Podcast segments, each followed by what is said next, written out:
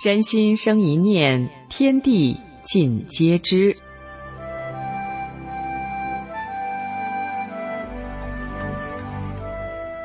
听众朋友您好，欢迎您收听明慧广播《善恶一念间》节目。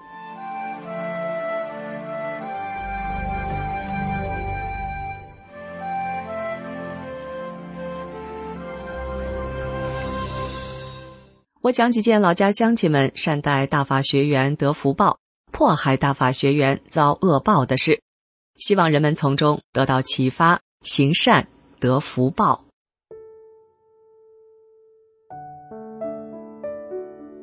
那是二零零三年，我回老家看望父母，顺便看望家乡的同修。一个二十多岁的女同修小霞给我讲了一件事，让我印象深刻。那时是中共迫害法轮功学员最疯狂的时候，我老家那个穷乡僻壤的地方也不例外。一次，小霞被绑架到看守所，几天后，警察告诉他要送他去劳教，他就在心里跟师傅说：“师傅啊，我要回去，这不是我待的地方，请师傅加持我回去。”几天后的一个上午，看守所的警察要法轮功学员到山上去采茶叶。我县是老山区，丘陵地带，到处都是山，看守所周围都是茶山。小霞想，机会来了，请师傅加持。在采茶中，他找了一个机会离开了。小霞进了一个农户家里，见女主人就说：“我到你家躲一躲。”女主人问清来由，得知他是修法轮功的，做好人的，就赶紧搬出一个梯子。叫他爬到堂屋林子的隔板上，上面储存了很多稻草，叫他躲到稻草里。然后女主人就把梯子拿走了。小霞躲在稻草里，能听到很多人在周围的山上找她，找了很久。一年后，小霞买了些东西，特意去感谢女主人。聊天中得知，这位三十多岁的女主人有两个女儿，两年前丈夫病逝，欠外债。日子过得很艰难，十五岁的儿子考上了高中，没钱读书，只好跟老乡一起去南方打工。他儿子进了一家工厂，老板看他年纪小、淳朴聪明，就跟他说：“你去我家，我送你去学车，我包了工程项目，你学会以后吃住在我家，这两台车包给你管，到时候我俩分红。”他儿子很用心，学会了开车。住在老板家很勤快，老板很喜欢他。到第二年年底时，老板分红分给了他五十万元，并说以后长期合作。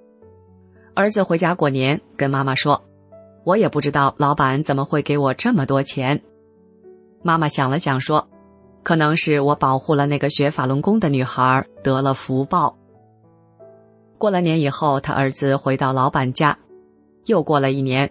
孩子拿钱回来，盖了两层楼房，装修布置焕然一新。就这样，穷寡妇成了当地的富婆。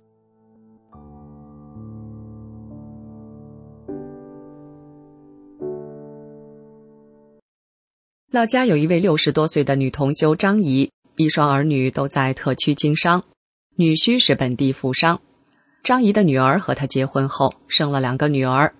大女儿去美国留学，小女儿在本地上大学。一次，张姨的儿子用真相币时，被不明真相的人举报，被关进了看守所。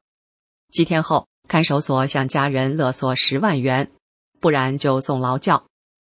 女婿得知后说：“他又没做坏事，只要人能回来，要十万就给十万。”儿子回来后，张姨担心女婿会责怪他，没想到。女婿不但没抱怨，相反还安慰他说：“钱身外之物，生不带来，死不带去。”这件事儿就这样过去了。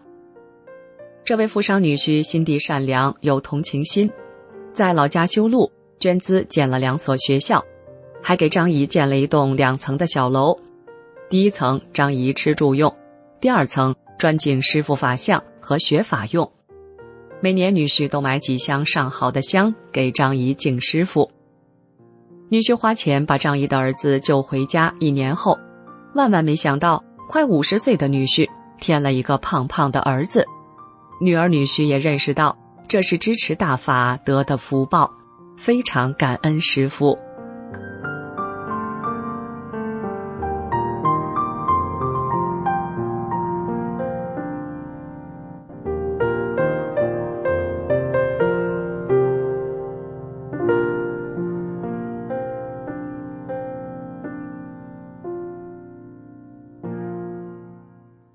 再来说说我们家乡遭恶报的事例。二零零五年，老家一对个体经商的夫妻同修，生意做得很红火。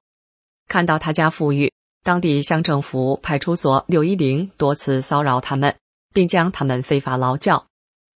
有一次冻结他家十六万元银行存款。之后不久，六一零头子就得暴病死了。乡政府政法委书记多次住院。医院前后两次下病危通知书，还有一次，他在自家附近池塘钓鱼时，空中的高压线突然断了，刚好掉到他背上，身上被打出九个洞，马上被送医院急救，才保住性命。不久，他妻子又查出乳腺癌晚期，还割了一个乳房。再说这对受迫害的夫妻同修，他们在修炼路上越来越精进。按照真善忍的原则做好人，生意也越做越大。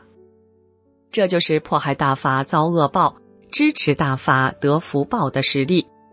希望世人敬重大法，给自己选择美好的未来。